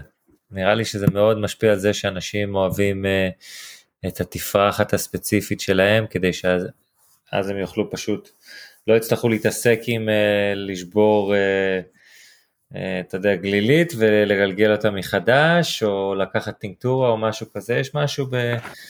בישראלים שאוהבים uh, לעשן. באופן כללי. תשמע, ב- ב- ב- כאילו מבחינה סטטיסטית, אחד זה נכון שעדיין אחוז המעשנים בכלל באופן כללי באוכלוסייה ב- בישראל הוא עדיין יחסית גבוה, אם אני מסתכל, אה, משווים את זה מול, מול האירופאים, אז אנחנו עדיין נמצאים במקום גבוה, אפילו, אני חושב שיש עלייה אפילו בשנים האחרונות של אה, מעשנים, ובוודאי של קבוצות גיל אה, צעירות יותר עם, עם כל מיני וייפים, אז כמובן שזה גם הקפיץ פתאום את הסטטיסטיקה באופן כללי. אתה צודק שגם הערבוב הזה עם טבק שהוא משהו שהאירופאים והישראלים עושים, אבל נגיד לאמריקאים הוא די זר. אה, תקן כן. אותי אם אני טועה ארי, אבל הוא, הרעיון של לערבב טבק זה כאילו, כן, זה כאילו, היסטורית, זה לא היה, גם אצל הקנדים, מה, מה פתאום אתם מערבבים טבק ב... כן. כאילו, אבל, אבל אה, שוב, זה גם נבע מלחסוך אה, בחומר ו, וכדומה, וזה גם, אתם יודעים, זה גם נורא מעניין, אנחנו פרסמנו איזה מאמר אחד על זה, ואנחנו נפרסם גם עוד אחד. אתם יודעים ש, שכש... גם, יש הבדלים נורא גדולים בין אידוי לעישון בכל מה שנוגע לא, לאינטייק של הקנבינואידים והטרפנים. הרי הם לא באמת, אה, אתה לא מקבל אותם אותו דבר. למעשה, בגלל שוב הפרשי החום, זאת אומרת נגיד ב vaping עשינו על זה מחקר, ש... אתה, אתה בעצם מקבל את ה entourage effect ממש בשאיפות הראשונות וזהו. אחרי זה ה-THC יש לו את הטמפרטורה שלו, CBD, והטרפנים השונים, ואת הכל תקבל אותם בנפרד. זאת אומרת, לקבל בבת אחת את ה entourage effect, שזה דרך אגב, אחד מהיתרונות של השמן במובן הזה שאתה תקבל את האנטראז' אפקט במינון קבוע ואחיד. וזה משהו שאתה אף פעם לא תקבל אותו בעישון או בעיתוי. התהליך אה, גם בגלילית, גם בג'וינט, בסופו של דבר הטמפרטורה הכי חמה היא, היא בקצה, וככל שה... תחשבו על זה שהעשן בעצם עובר ו- ו- ואיתו הקנבינואידים, ודווקא כשמגיעים לחלק האחרון יותר, זאת אומרת זה שקרוב יותר ל, ל, ל, בעצם ל, ל, לפה, דווקא שם בסופו של דבר יגיע הריכוז הכי גבוה של קנבינואידים. אז כאילו יש, יש מעניין, כן, זה, מעניין זה... מאוד, כי הרבה שאלות פה. אה, אגב מהבחינה הזאת אני רק להבין מבחינת זמינות ביולוגית האם יש הבדל בספיגה וזמינות ביולוגית בין טקטורה לאמצעי צריכה אחרים דווקא אני מדבר על אכילים. תשמע, דיברת על אידוי אבל אני מדבר על אכילים כרגע יותר. כן תראה אה, קודם כל יש יש יש הבדלים ברור שאם התצורה הזאת של בעצם לקחת את זה ולבלוע מיצוי או לבלוע שמן, הזמינות הביולוגית שלו היא לא נהדרת. זאת אומרת, היא גם, זה תלוי אם זה CBD יותר, אם זה THC, אבל הזמינות הביולוגית היא לא, היא לא גבוהה כמו שהיינו רוצים אה, מאיזשהו מוצר שהוא רפואי. זאת אומרת, ובאדיבלס גם נוצר פה בעצם מצב שאדם בולע איזשהו איזשהו גמי בר לצורך העניין שיש בפנים אה, מיצוי עם, עם קנבינואידים. אה, זה יתפרק, זה ילך לכבד, זה יעבור איזשהו תהליך ומה שיישאר בסוף הוא בעצם ייכנס מחזור הדם ואתה לא יודע בדיוק מתי ואיך תקבל את זה, זאת אומרת מן הסתם האדיבלס ייקח יותר זמן לעבודה מאשר השמן והשמן ייקח, אה, יעבוד עם, עם זמינות נמוכה יותר מאשר אם, אם אדם מעדה את זה ישר לריאות. זה לא אומר שזה לא בהכרח אה, פחות טוב לאורך זמן, זה פשוט התנהגות אחרת של, של החומרים הפעילים עד שהם מגיעים למקום שבו הם אמורים לעבוד. אבל אה, כן, זה, זה שוב, זה עוד פעם הסיבה למה אנחנו כל היום עוסקים ב, בצורות המתן העתידיות, ו, ו, ובסוף למצוא את המקום שזה יהיה דומה ל... לתרופה שאתה יכול לבלוע ויש לה או שחרור מושהה או איזשהו תהליך אחר שייכנס למחזור הדם בצורה הכי אפקטיבית. מעניין מאוד. דיברת על אפקט הפמליה. האם אתם יודעים מהמחקרים שלכם להצביע שאפקט הפמליה זהה או דומה שאתה לוקח שמן או במתן שמן בהשוואה לשאיפה נגיד באידוי? האם אפקט הפמליה זהה? כי בכל זאת זה עובר כמו שאמרת דרך הכבד או דרך איברים אחרים בגוף, בריאות זה עובר תהליך כימי שהוא קצת אחר. אנחנו, מה אתם יודעים על זה? אני יכול להגיד לך מה אנחנו כן יודעים, זאת אומרת צריך לזכור שבסוף, אתה יודע, הקנאביס הוא מין איזשהו שם צופן, כמו שאנחנו יודעים, לכל כך הרבה רכיבים פעילים. ובתוך זה יש את המערכת האנדוקנאבידואידית שכל אחד מאיתנו ואת כל מיני מאפיינים אישיים, פיזיולוגיים של כל אחד מאיתנו שהם יכולים להיות קצת שונים מהאדם לידינו, ולכל דבר יש בעצם השפעה, זאת אומרת קשה בדרך הזאת להגיע לאיזשהו, אתה יודע, תובנה מוחלטת. אבל כן אפשר לבוא למשל, ועשינו מחקר על מה קורה אה, כשאדם לוקח אה, THC לעומת אה, כשהוא לוקח אה, THC אה, מועשר בטרפנים, בסדר? שוב, בשמן. אז אתה, אפשר היה לראות שה-THC עם הטרפנים הפעיל בצורה משמעותית יותר את, ה, את הריצפטור שנקרא CB1, אוקיי? לעומת רק THC. זאת אומרת, אנחנו כן יודעים, אנחנו ממקדים לא מעט מהמחקרים באמת בשילוב של ה... הפורמולציות טרפנים עם הקנבינואידים ולא רק הקנבינואידים בפני עצמם. אה, למעט באמת הנושאים שהזכרתי מקודם, הניסויים כדי לראות איך קנבינואידים וטרפנים מתאדים ו, ונעלמים בתוך, בתוך עישון או באידוי, שזה אה, באמת אה, פרויקטים נפרדים, אבל אנחנו, אנחנו לאט לאט, אתה יודע, בסוף המשאבים הם מוגבלים, אתה צריך למקד את המחקר בכל מיני תחומים שגם אולי יכולים להיות רלוונטיים ל, ל, ל, בסוף להוציא איזשהו מוצר. אבל ההתנהלות היא, ההתנהגות היא שונה. זאת אומרת בסוף אם, אם אתה רוצה להגיע לאיזשהו מצב שתוכל להשוות תפוח לתפוח, אתה צריך להציג שני מוצרים שכל אחד מהם הוא, הוא אתה יודע, הוא אחיד והוא קבוע והוא אה, הומוגני, כדי שתוכל בעצם להגיע לתוצאה של, שהיא הבסיס לשאלה שלך. כן, בהחלט יש פה הרבה מאוד מה לחקור. אה, לסיום החלק המקצועי, מה עתיד צופן לבזלת ולאילו שווקים אתם מתכוננים להתרחב אם בכלל?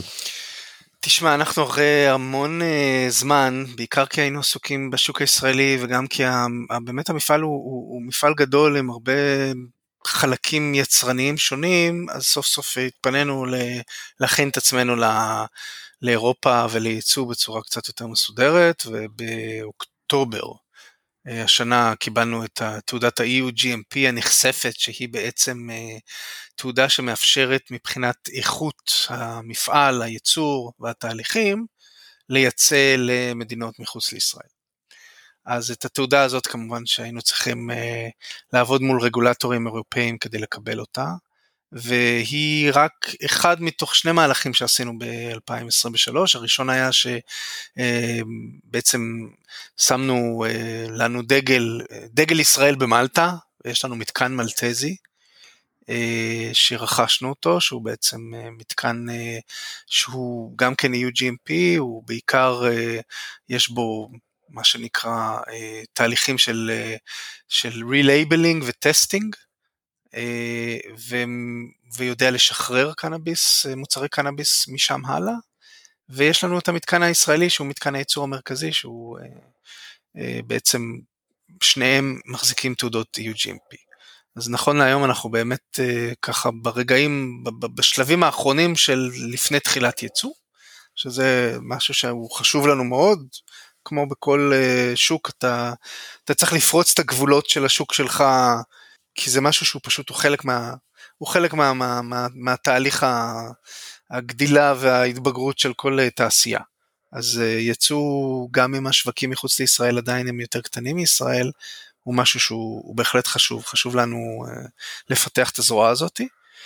הדבר השני שקורה זה שאנחנו לאט לאט אבל בבטחה מתחילים לקבל התעניינות שחיכינו לה הרבה זמן מצד חברות פארמה. אה, שהרבה שנים, כמו שאתם יודעים, ישבו על הגדר, אה, מכל מיני סיבות, מהסיבה שהם לא ראו איך הם רושמות פטנטים על מוצרי קנאביס, לחסמי שוק נמוכים, לסטיגמה, הן אה, לאט לאט מבינות שהן גם צריכות להיות שחקן בתוך העולם תוכן הזה, אבל יותר לכיוון של תרופות, לאו דווקא להיות מפיץ של איזשהו שמן או תפרחת, אלא לפתח אה, תרופות מבוססות קנבינואידים. וזה בהחלט משהו שאנחנו מכוונים אליו, אני ככה שכחתי להגיד, אבל uh, אני אגיד שחוץ מהפעילות היום אנחנו גם הקמנו, בתוך המתקן של בזלת הקמנו עוד מתקן מיצוי שהוא באמת, uh, אם מקודם התפלאת על זה של 84-80, אז עכשיו אתה בכלל uh, תיפול, זה מתקן שהושקעו בו הרבה עשרות מיליונים של שקלים, זה מתקן שהוא uh, ידע למצות אלף ליטר בחודש. עם סטנדרט שאנחנו מקווים שיום אחד ה-FDA יבוא אה, ויבדוק אותנו מבחינת תהליכי ייצור וסטנדרט של אה, מתקן, ושאנחנו נדע לעמוד אפילו בביקורת כזו. ואנחנו, לשם אנחנו מכוונים, אנחנו מכוונים להיות יצרן אה, בינלאומי משמעותי, להחליף חלק מהיצרנים ברחבי העולם שהם לא באמת רואים אה, בצד של הייצור את, החלק העיקרי שלהם, אלא שיווק, הפצה או תהליכים אחרים, ואנחנו נדע להיות היצרן המתאים. ולהגיע עד למצב שבו אנחנו יכולים לקחת חלק בפיתוח של אה, תרופות מבוססות קנבינואידים. זה בהחלט מטרה. יפה. ברשותך איתי אני רוצה לעבור לכמה שאלות אישיות. כן. אז איך אתה צורך אה, קנאביסים בכלל? ואם כן, מהם המוצרים האהובים עליך באופן אישי? תשמע, אני מודה שאני אני לא כל כך צרכן, אני כמובן גם uh, בצעירותי uh, ניסיתי כמה וכמה פעמים, פחות, פחות התחברתי ברמה האישית, פחות הייתי צריך וואלה. את זה. כן, אני... אתה יודע, אני, אני, אני יודע שלפעמים זה מוזר שאנשים הם בתוך התחום, אבל הם לא צורכים, אבל אני לא... אני בעניין הזה באמת לא, לא צרכן, אבל אני חושב ובאמת, אני כאילו דוגמה נגיד לאדם שאילו הייתי צורך, אני מודה שהייתי מעדיף לעצמי, לפעולה מהירה הייתי מעדיף לקחת uh, גלילית, כי לא, אני יודע על עצמי שלא היה לי את הסבלנות להתעסק עם תפרחות, זה פחות גם היה מעניין אותי, זאת אומרת בהקשר הזה, יותר מעניין אותי התוצאה ולא התהליך. אז זה ושמן מן הסתם, או מוצרים מתקדמים יותר, זה היה מדבר אליי יותר מאשר uh, באמת עולם, עולם התפרחות, אבל אתה יודע, אנחנו, כמו בכל תחום, כל אחד יש לו איזה אופי מסוים ועם סוג של כזה דיפולט של איך הוא, איך הוא מתנהג כלפי משהו. אז uh, כן, זה, זה אני. יפה, אז מבחינת קטגוריות אחרות אתה אומר ששמנים זה מה שמרתק אותך. תשמע, מה שמרתק אותי זה היום בעיקר מה שבאמת נראה לי מעניין וזה האתגר האמיתי זה, זה, זה צורות מתן נוספות, זה, זה לעלות כיתה, זה לפתח אה, תהליכים שיובילו לזה שאפשר יהיה לקחת את זה ב, ב, ברמת הפארמה שוב, לא אה, בתהליכים אחרים שתוכל לקבל את זה בסופט של ובטבלייה ובכל מיני דרכים ש... אה, עברו תהליכים מסודרים, ארוכים, אבל בסוף מדויקים. זאת אומרת שכמו שאתה בא ולוקח אה, איזשהו אקמול או דקסמון, אתה יודע כמה לקחת. ואתה יודע גם מה זה אמור לעשות ולכמה זמן ו... ומה הזמן שאתה אמור גם לא לקחת בין לבין ואם אתה רוצה את זה לתרופה, אם אתה רוצה את זה להקלה. אה, אז, אז זה הדברים שיותר מעניינים אותי, אני, בכלל, אני גם חושב ש vaping של מיצוי הוא תחום מאוד מאוד מעניין, דרך אגב, אני, אני באמת חושב ש... יש לו יופי של פוטנציאל, אבל פה הרגולציה היא באמת הכי, הכי מורכבת שיש. כאילו, להבדיל מהעולם של האמריקאים והקנדים שאפשר אה, אה, לייצר מוצרים אה, של מיצוי ול vaping, העולם ה medical-י אה, יהיו עוד הרבה הרבה משוכות אמיתיות כדי לאשר אותו כ, כסוג של אה, מוצר medical-י. אילו שחקנים אחרים אתה מעריך בתחום, אם זה בארץ או בעולם? תשמע, אני, אני חייב להגיד לך ולכם שכאילו אני, אני באמת מכיר, אני חושב, אה, את רוב השחקנים שיש, נאמר ככה, מחוץ, ל, מחוץ לארה"ב וקנדה. זאת אומרת, אני מכיר גם לא מעט חברות אמריקאיות ובעיקר קנדיות. אני מכיר הרבה מאוד מהחברות האחרות אה, במקומות אחרים. ו... קצת קשה קשה להעריך, זאת אומרת, אני יכול להגיד לך, אוקיי, אני אחפש איזשהו שחקן שהוא אה, מצליח מבחינה עסקית, אבל אחד, אין כמעט כאלה היום, לצערנו, כמו שאתם יודעים, השוק העולמי הוא כולו סובל מאותו אה, סוג של אה, דימום כלכלי מתמשך, לא משנה באיזה, באיזה טריטוריה ברחבי העולם. אז אין במובן הזה איזושהי דוגמה באמת לחברה שאתה אומר וואו היא הצליחה כן אתה יכול להסתכל על חברות גדולות בינלאומיות כאלה כמו אורורה או טילריי או קיורליף ולהגיד וואלה הם מגלגלות מאות מיליונים ברבעון.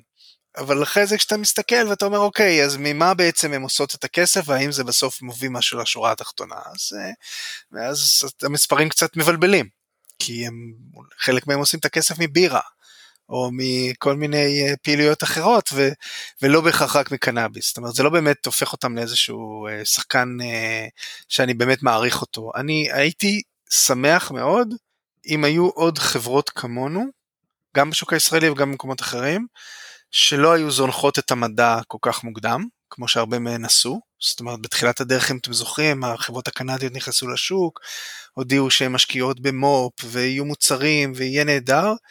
ובסוף התהליך כל מה שהן עושות זה מוכרות פרחים. אז זה, זה nice to have, זה לא יחזיק מים לתעשייה אמיתית בר קיימא לאורך זמן. אז בעניין הזה זה כאילו משהו שהוא חסר לי, זאת אומרת חבל לי שאנחנו קצת אה, כאילו יותר מדי ייחודיים אה, ואין עוד כמונו כי זה רק היה מוסיף לשוק, זה רק היה מוסיף לאמון, זה היה מוסיף לה, להתחזקות של השוק, זה לא היה, זה לא משנה התחרות, כן? אני, אנחנו, אני כאילו אומר את זה במאמר מוסגר, כל חברה בישראל שנסגרת או חווה, מבחינתנו זה דבר מדאיג, זה לא דבר חיובי. אה, אנחנו לא רוצים להישאר לבד. אז אה, אני, אני מחפש את החברות שאני, אני מעריך את האנשים, אני, אני מעריך אנשים, פחות את החברות.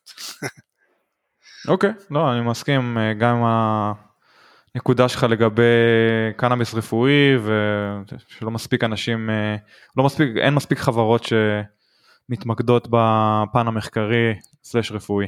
אנשים ספציפיים, אה, רוצה לתת שאוט אאוט להם, שאתה כן מעריך ולא חברות?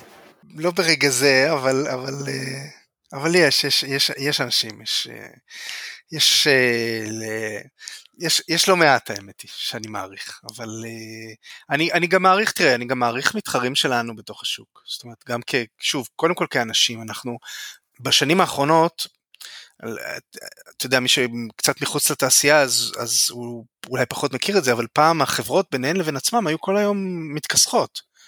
כן. זאת אומרת, היה תקופה כזאת, אתה יודע, שכל אחד שמר על מה שיש לו, ואתה יודע, יהודים כמו יהודים, וואלה, פרגון זה לא הצד החזק. אבל איפשהו, ככה, אחרי שהתחילה ההסדרה החדשה והצטברו גם האמוציות וגם המאבקים מול, מול היקר, מול משרד הבריאות, אז באיזשהו מקום, אתה יודע, החברות הבינו שכדאי להם לשתף פעולה ולא לריב כל הזמן. ואני אחד מאלה שבתוך הדבר הזה שנקרא התאחדות התעשיינים, הצלחתי ביחד עם אחרים, אתה יודע, לגרום לזה שהיום יש, אנחנו משלבים ידיים ו... ו- ועובדים ביחד, זאת אומרת, אנחנו עובדים אה, מצוין עם, אה, עם, בתוך ההתאחדות למען המטרות המשותפות עם, אה, עם גרינפילדס ועם שיח ועם קרונוס ועם תיקון עולם ועוד עוד חברות נוספות כשהיה את BOL בפורמט הקודם שלה.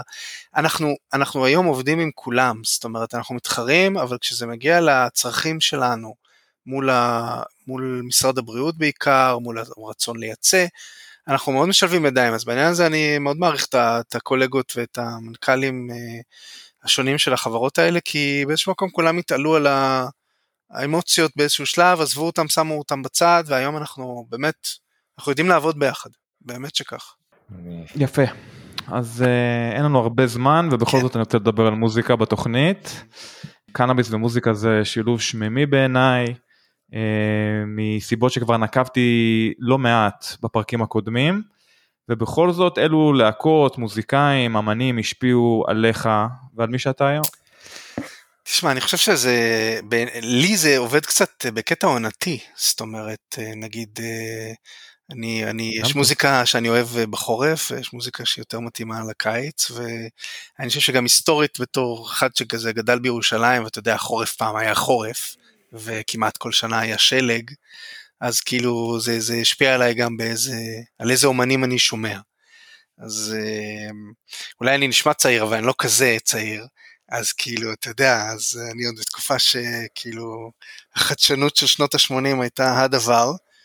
אה, אבל אה, נגיד בתקופה הזאת של עכשיו, שהיא גם, אתה יודע, היא גם רלוונטית, כי גם יש פה איזה חצי חורף וגם יש פה מלחמה, אז כאילו, בעיקר מה שעולה לי לראש זה, זה כאילו, אתה יודע, לשמוע את אה, ליאונרד כהן, שהוא סוג של אה, משהו שיש בו גם נוסטלגיה Yeah. וגם אה, עצב כזה ככה עמוק, אבל יש לו גם, יש בו גם משהו אופטימי, אז אה, יש תקווה כן, במוזיקה שלו. כן, יש תקווה במוזיקה ויש גם שלו. את הקשר הזה לישראל אגב, נכון. אם, אם כבר הזכרת את שמו. נכון, נכון. הוא ידוע בתור אחד שהופיע וביקר את חיילי צה"ל עוד בתקופת מלחמת יום הכיפורים. נכון. אני בטוח שאם הוא היה בחיים היום, הוא היה עושה את אותו דבר בדיוק. לגמרי, לגמרי. אחת ההופעות המרגשות שראיתי היה לראות את ליאונרד כהן. בהחלט, כנ"ל, גם שלי. אה, כן. ראיתי כן. אותו פעם אחת פה ב-LA, אה, לא הרבה לפני שהוא נפטר, ו... יש עליו אה, איזה סרט, חוויה, אה, חוויה. סרט תעודי שהיה בנטפליקס על ליאונרד כהן, חושב כן, נכון, האמת ו- שתכננתי לראות את הסרט בסופש, תודה שאתה מזכיר לי. תשמע, זה כן. נהדר, כי אה, אתה תשמע שם כל כך הרבה גרסאות של, אה, של, אני חושב שזה של, של הללויה. של הללויה, כן. וזה נורא מעניין, כי מסתבר שהוא פשוט, הוא שינה את המילים, זאת אומרת, הוא כתב, במש... לקח לו איזה 20 שנה לכתוב את המילים, ו... ואחר כך עם. הזמן הוא, הוא שינה אותם והתאים אותם לתקופות אחרות, כאילו, מדהים.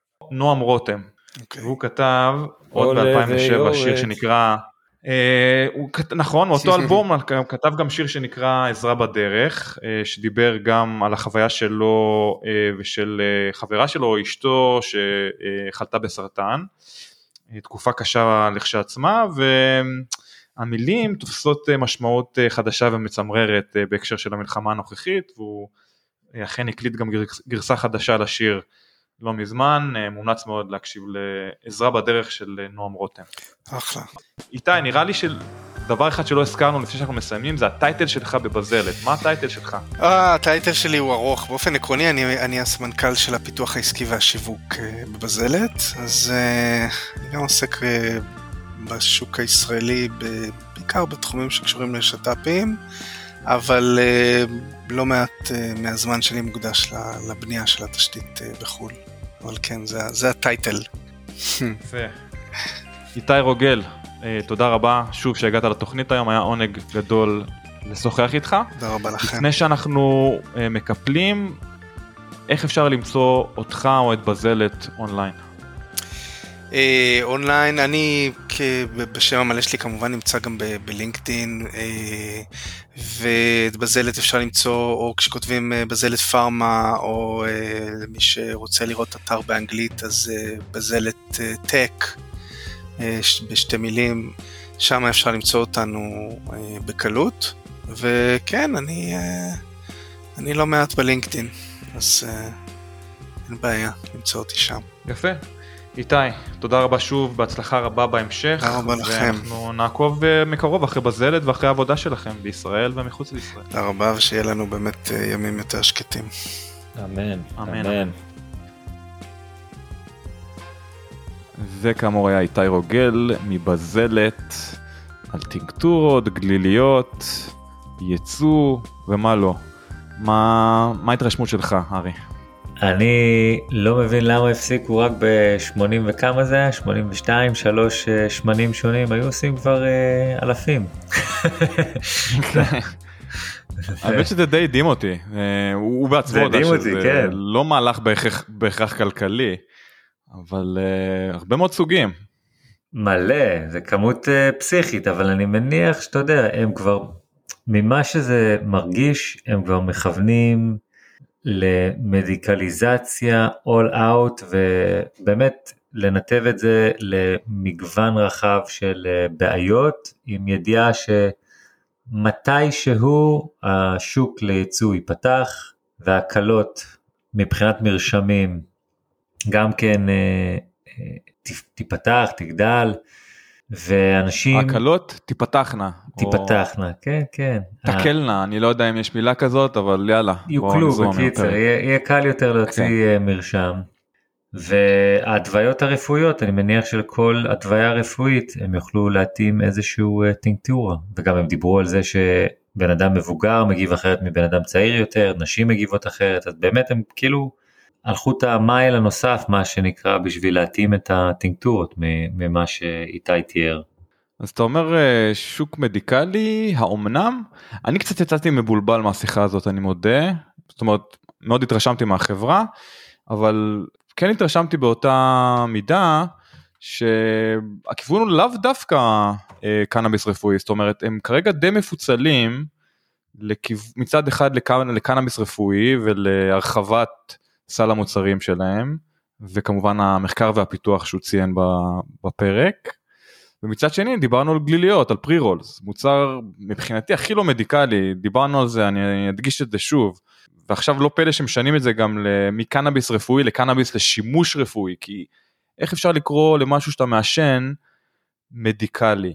אז כן, פרי רולס או אה, גליליות או איך שלא תקרא להם, קטגוריה די זניחה בישראל, קטגוריה עולה ומתפתחת פה בקליפורניה ובצפון אמריקה, ויחד עם זאת, אי אפשר לקרוא לזה קנאביס רפואי כפי שאני רואה את הדברים. אז אני כן חושב שהם הולכים לכיוון מדיקלי, כמו שהוא אמר, לא רוצ, הם לא רוצים לזנוח את התחום הזה, אבל מצד שני הם, כן, הם, הם, הם רואים מה שקורה בשווקים אחרים בעולם, ראה ערך אה, אמריקה הצפונית, ורואים מה קרה לקנאביס הרפואי או לקטגוריה הזאת שנקראת קנאביס רפואי שהלכה למעשה נעלמה אה, כי אין כמעט בידול כמו שהוא הסביר אין כמעט בידול בין מוצרים רפואיים למוצרי פנאי.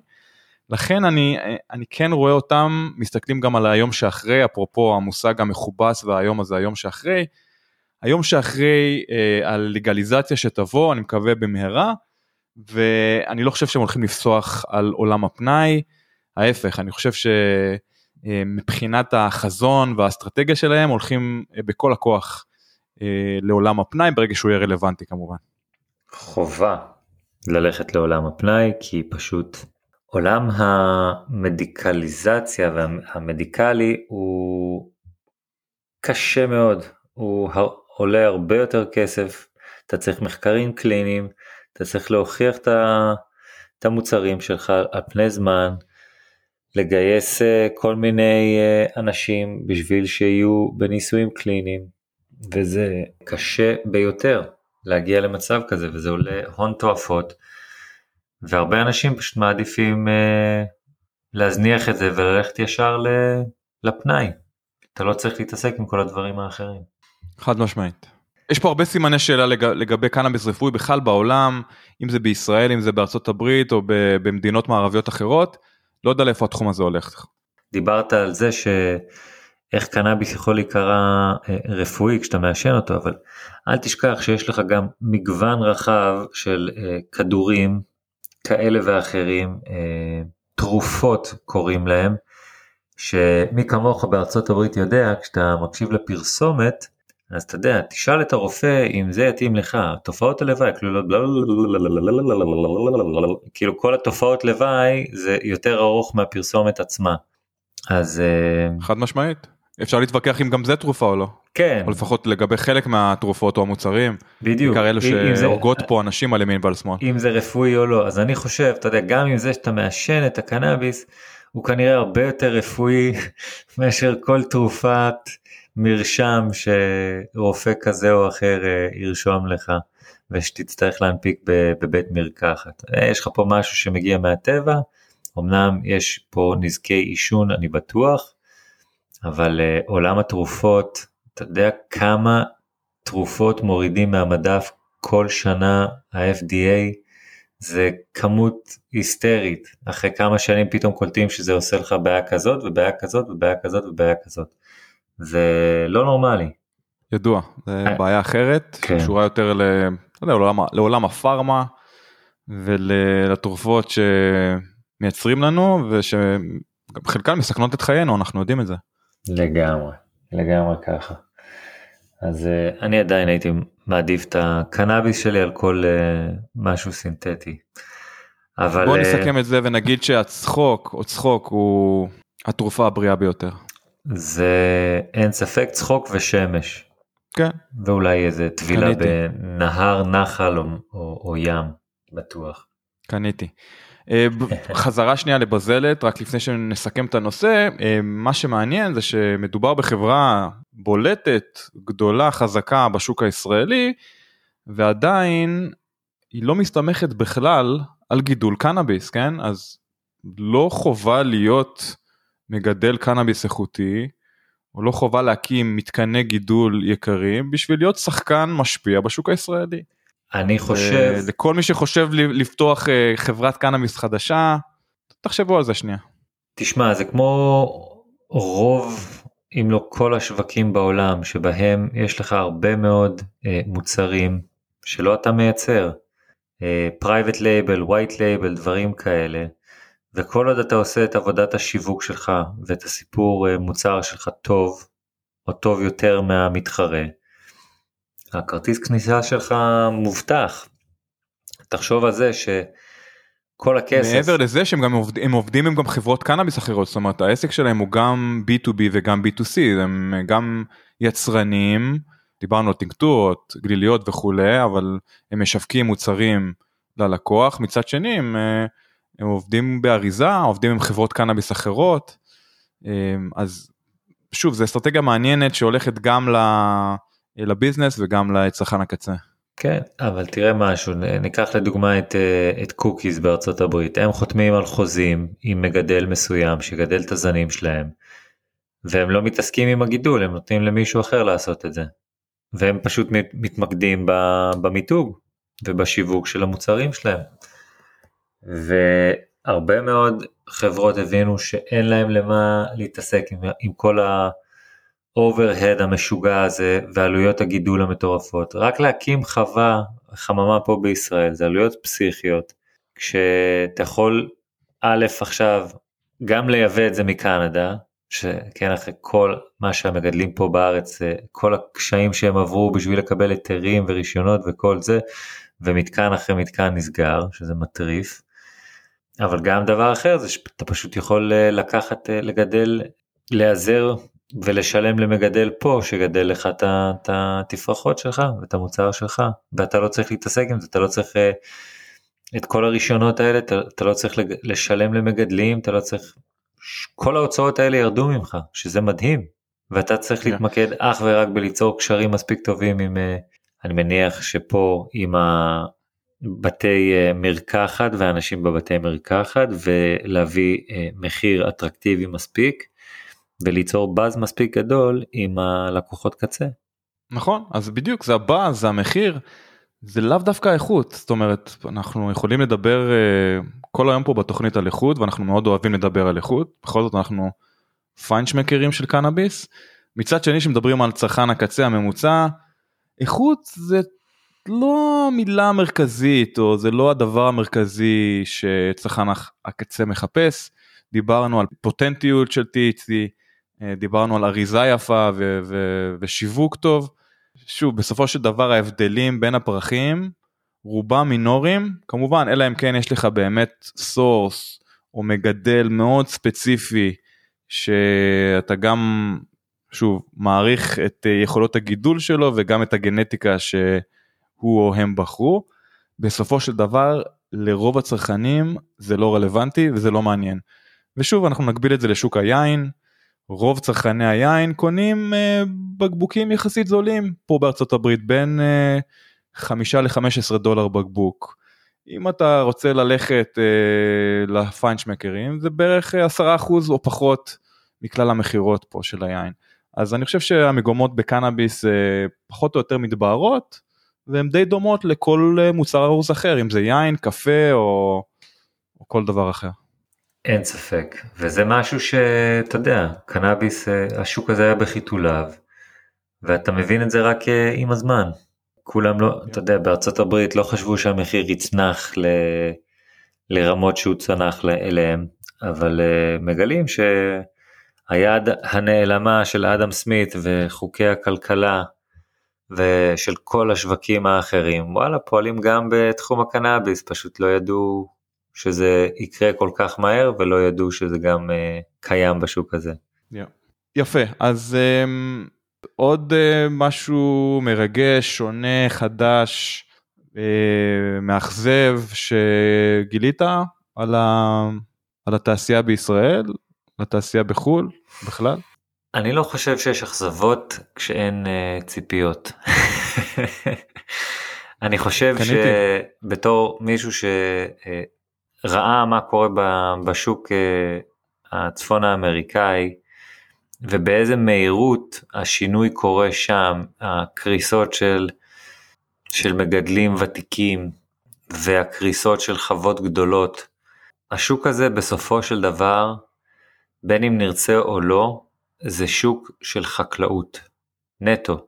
זה שהיה עליו פרימיום בעבר זה משהו אחר לגמרי, הפרימיום הזה כבר לא קיים, אז אנחנו יכולים להשוות אותו אך ורק לחקלאות. ובחקלאות, אתה יודע, בסופו של דבר, למעט חקלאים בודדים שבאמת יש להם סחורה משוגעת, שהם הצליחו לבנות איזשהו מותג סביב הגידול שלהם, הם בנו מותג, כן? הם הצליחו עם אה, כמה גידולים ואז התפתחו וכבודם במקומם מונח, אבל רוב החקלאים, אתה לא יודע מי הם, אתה יודע שיש לך את העגבניות ברמי לוי, אתה יודע שיש לך את המלפפונים ברמי לוי, אתה יודע שיש את זה בשופרסל ואין לך הרבה מאוד מותגים חזקים בחקלאות. ואנחנו נוכחים לגלות שגם בקנאביס בסופו של דבר המגדל יהפוך להיות אה, לא כל כך רלוונטי עם הזמן ומי שישחק פה את התפקיד החזק זה המיתוג וה brand בסופו של דבר אה, וזה משהו שקורה ברחבי העולם. קוקיז הובילו את זה חזק מאוד, קנדסנט היו שם גם בהתחלה. לואל פארם אם אנחנו מדברים כבר על, אה, על, על גליליות וג'וינטים אז uh, מה, uh, מהאזור שלך החווה של לואל אם אתה מכיר אותם ואני מניח שאתה מכיר אותם לואל פארמס. מכיר טוב. אז uh, מסתבר שהם uh, סוגרים את החווה שלהם בסלינס וזאת חווה מעניין. שביקרתי בה המון המון פעמים חווה איכותית מאוד, גדולה בצורה מרשימה ביותר. סוגרים את החווה אבל לא סוגרים את החברה, נכון? לא סוגרים עדיין, את לדעתי החברה. בעשירייה הפותחת של uh, מכירות הפרחים בקליפורניה. נכון, סוגרים את החווה, uh, uh, סוגרים את החווה, לא את החברה. ואני חושב שכמו שאמרתי לפני זה, הם פשוט מבינים שהם לא צריכים את כל כוח האדם הזה, כשהם יכולים להתמקד ב... בגידול ה brand שלהם ולהשקיע יותר בשיווק ופרסום ומיתוג ולא לגדל וכשאני הייתי שם היו להם לא צוחק איתך מאות אנשים בחווה שמגדלים. היו להם חממות על גבי חממות על גבי חממות. ואתה לא צריך את כל זה אם אתה יכול לחתום על איזשהו חוזה עם חווה אחרת שתספק לך את החומר הזה בתאריך הזה בכמות הזאת וזהו, וכל השאר עליך מבחינת עבודת שטח ועבודת מכירה. אז אה, לא yeah. סוגרים את החווה שלהם, לא את המותג. וכן, גם בקליפורניה, כמו בארץ, יש אה, קשיי גדילה, מה שנקרא. בהחלט, אז אה, אם אתם נכנסים לתחום, לכו לשיווק, עזבו אתכם גידול. אלא אם כן אתם באמת כישרונות יוצאי דופן מהבחינה הזאת. ואם עשיתם אבל... את זה אה, ב large scale בעבר כבר, זה הדבר הכי חשוב להבין, שלגדל צמח בארון או כמה צמחים בבית תחת כמה אה, גופי תאורה זה ממש ממש לא אותו דבר כמו לגדל אלפים ועשרות אלפים ומאות אלפים של צמחים. אין שום קשר אחד לשני. בהחלט. אה, יפה, יפה. עוד משהו לפני שאנחנו חותמים את, uh, את הפרק של היום? אני הופתעתי מהגודל הקטן של הגליליות האמת איזה כאילו נפח שוק קטן בערך 2% מכל השוק זה, זה גליליות זה מעניין ממש כי הייתי מצפה מרוב החבר'ה המבוגרים לדוגמה שלא יגלגלו לעצמם שלא יהיה להם כוח אתה מבין מה אני מתכוון? Yeah. אבל... אולי, אולי אותם חבר'ה מבוגרים הם אלה שצורכים את הטינקטורות, שזה עוד קטגוריה קטנה, אבל היא טיפה יותר גדולה, אני חושב, מה, מהגליליות. יכול מאוד להיות, אני חושב, כן, אולי. תשמע, אם אני קשיש שצריך קנאביס רפואי ואני נגיד בן 80 ואני לא יכול לגלגל או לא יודע לגלגל, מה, מה יותר קל מטינקטורה וכמה טיפות מתחת ללשון? נכון, גלילית זה מוכן וזה נוח, אבל אתה עדיין צריך להדליק את זה, אתה צריך לעשן את זה, אם זה בחדר עם עוד אנשים או אם זה בחדר לבד. יש, שוב, יש פה הרבה מגבלות, בעיקר לאנשים מבוגרים, חלקם לא רגילים לעשן, חלקם לא רגילים לגלגל, חלקם לא רגילים בכלל, אה, בכל מה שקשור בקנאביס, אז אה, אני חושב שטינקטורה פותר את הבעיה הזאת. גליליות, שוב, אתה מסתכל על הקטגוריה הזאת בארץ, זו קטגוריה נחותה, עם uh, מוצרים נחותים שמכילים בעיקר טרים, כן, בניגוד למה שבזלת uh, כרגע מכוונים אליו, אבל uh, הגליליות, נגיד, עד כמה שאני יודע, רוב החברות לא מייצרות את אותם פרי רולס, ואלו שמייצרות באמת שמות את אותו uh, חומר נחות בתוכו. פה בארצות הברית, נכון, יש גם גליליות או פרי רולס נחותים, אבל אבל יש גם קטגוריות אחרות או sub קטגוריות אחרות עם איכות חומרים הרבה יותר גבוהה, עם גדלים שונים, דיברנו על כיף, חשיש, resin, diamonds, כל מיני דברים אחרים. Infused. כל מה שאמרתי כמובן קשור לעולם המיצויים, בדיוק, ה-infused pre-rolls, שנותן איזה כמעט סוג של קטגוריה אחרת, כן? אה, אם אנחנו מדברים על ה-infused pre-rolls, כן, זה נראה אותו דבר, זה מריח אותו דבר, אבל תשמע, זה נותן בראש, זה באמת לא לכל אחד, וכמובן לא, לא לכל כיס, כן? זה לרוב מוצרים יותר יקרים מסתם רולס. חזרה לישראל, מאחר ומדובר במוצר נחות, אני חושב שרוב מי שרואה את עצמו כצרכן קנאביס או צרכן פנאי או מטופל פנאי אם תרצה, יעדיף פרח יותר איכותי. מאשר אה, טרים שמגולגל בתוך נייר. אז אם באמת חברות הקנאביס בישראל יועילו בטובן, קצת אה, להיות קריאטיביים יותר ולשדרג את הקטגוריה הזאת, אני חושב שנוכל לראות את הקטגוריה הזאת גדלה גם בישראל. כמה זמן זה ייקח, כמה הרגולטור אה, מעיק ומגביל את אותם יצרנים לגבי אותם פרי-רולס, אני לא יודע, אנחנו נדבר גם על הרגולציה החדשה ועל כל השינויים בה. באחד מהפרקים הבאים, ונגלה לבד האם הרגולציה היא זו שחונקת את הקטגוריה, או האם היצרנים הישראלים לא מספיק קריאטיביים ומה שנקרא פרואקטיב uh, לגבי הקטגוריה הזאת. אני אז, חושב uh, שידיהם כבולות, את האמת.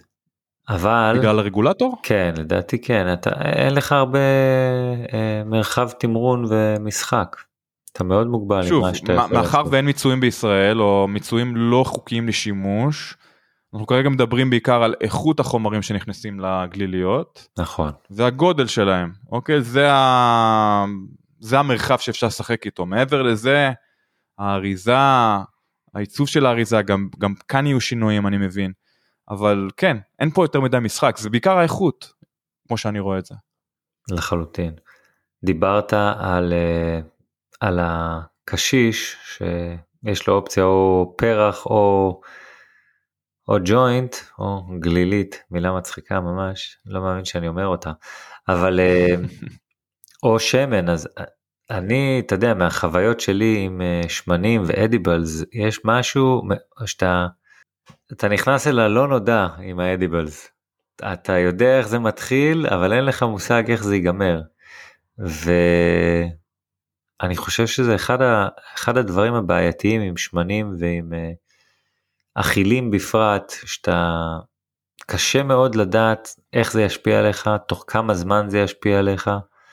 לעומת אה, ניסיון והדרכה פותרים את זה. כן, יודע, ניס... אבל... קודם כל ניסוי וטעייה, כי אתה צריך, אה, בשביל להבין את הדוסט שלך, אתה צריך להתחיל נמוך, ואז לאט לאט להגביר ולראות מה עובד ומה עובד יותר טוב, וכן, בדרך יכולות להיות כמה פלטות וכמה חוויות בדיוק. פחות נעימות לפעמים, אבל בסופו של דבר אחרי התהליך הזה וזה כאמור לא תהליך מאוד ארוך זה תהליך שיכול לקחת בין חודש לשלושה חודשים אה, בסופו של דבר אתה אמור לדעת פחות או יותר מה הטווח שלך ואני כן חושב שמי שהתנסה מספיק באכילים לא תהיה לו את החוויה הזאת הנוראית ש, שכולנו עברנו, החוויה הראשונה הזאת שאכלנו יותר מדי והבטחנו לעצמנו לא לצרוך את זה יותר. שוב, זה משהו חד פעמי שכולנו נעבור או עברנו, אבל אני כן חושב שאפשר לפתח סוג של רג'מנט, uh, סוג של פרוטוקול uh, יומי, אני יודע איך... כן, סוג של פרוטוקול שימוש באכילים שיהיה יחסית בטוח. וצפוי, כן? בלי להיכנס לכל מיני חורים שחורים או לחוויות לא נעימות. כן. אז ה... נכון, זה יותר מאתגר, פשוט זה לוקח קצת יותר זמן, זה הכל. אבל כמו שאמרת, הפעם הזאת שאתה מבטיח לעצמך אחרי חוויה רעה שאתה לא תצרוך את זה יותר, יש הרבה אנשים שאומרים וגם מקיימים, וזהו, אתה מבין, החוויה שלהם עם, ה... עם הסוג טיפול הזה נגמר באותו רגע. החוויה הקשה הזאת, הסאטלה הלא טובה, אז יש אנשים שפשוט לא מסוגלים להתמודד עם זה, לא רוצים להתמודד עם זה יותר, זה לא עושה להם טוב, לא עשה להם טוב, ו- וזהו, נגמר הסיפור, אתה מבין? אז לכן אני אומר, זה קצת מאתגר האדיבלס האלה, בעוד שכשיש לך שחטה, אתה מרגיש את זה באינסטנט. Yeah. ואז נשאל למה ב- בישראל לא מרשים להדות מיצויים או לא, לא מאשרים שימוש בעטי אידוי, אפרופו לא, שחטה את, והשפעה מהירה. עטי אידוי אני עוד איכשהו יכול להבין, אבל uh, אתה יודע, אולי היו מציעים uh, למטופלים uh, הנחות על uh, וייפורייזרים בחנויות או משהו כזה, ומעודדים שימוש כזה. מסובסד, חד משמעית. טוב, יפה, זה היה כאמור פרק 159 עם איתי רוגל מבזלת. עד שבוע הבא, תודה רבה ארי זינגר שהצטרפת, ומאחל לך שבוע שקט, בטוח ורגוע. לכולנו, אמן.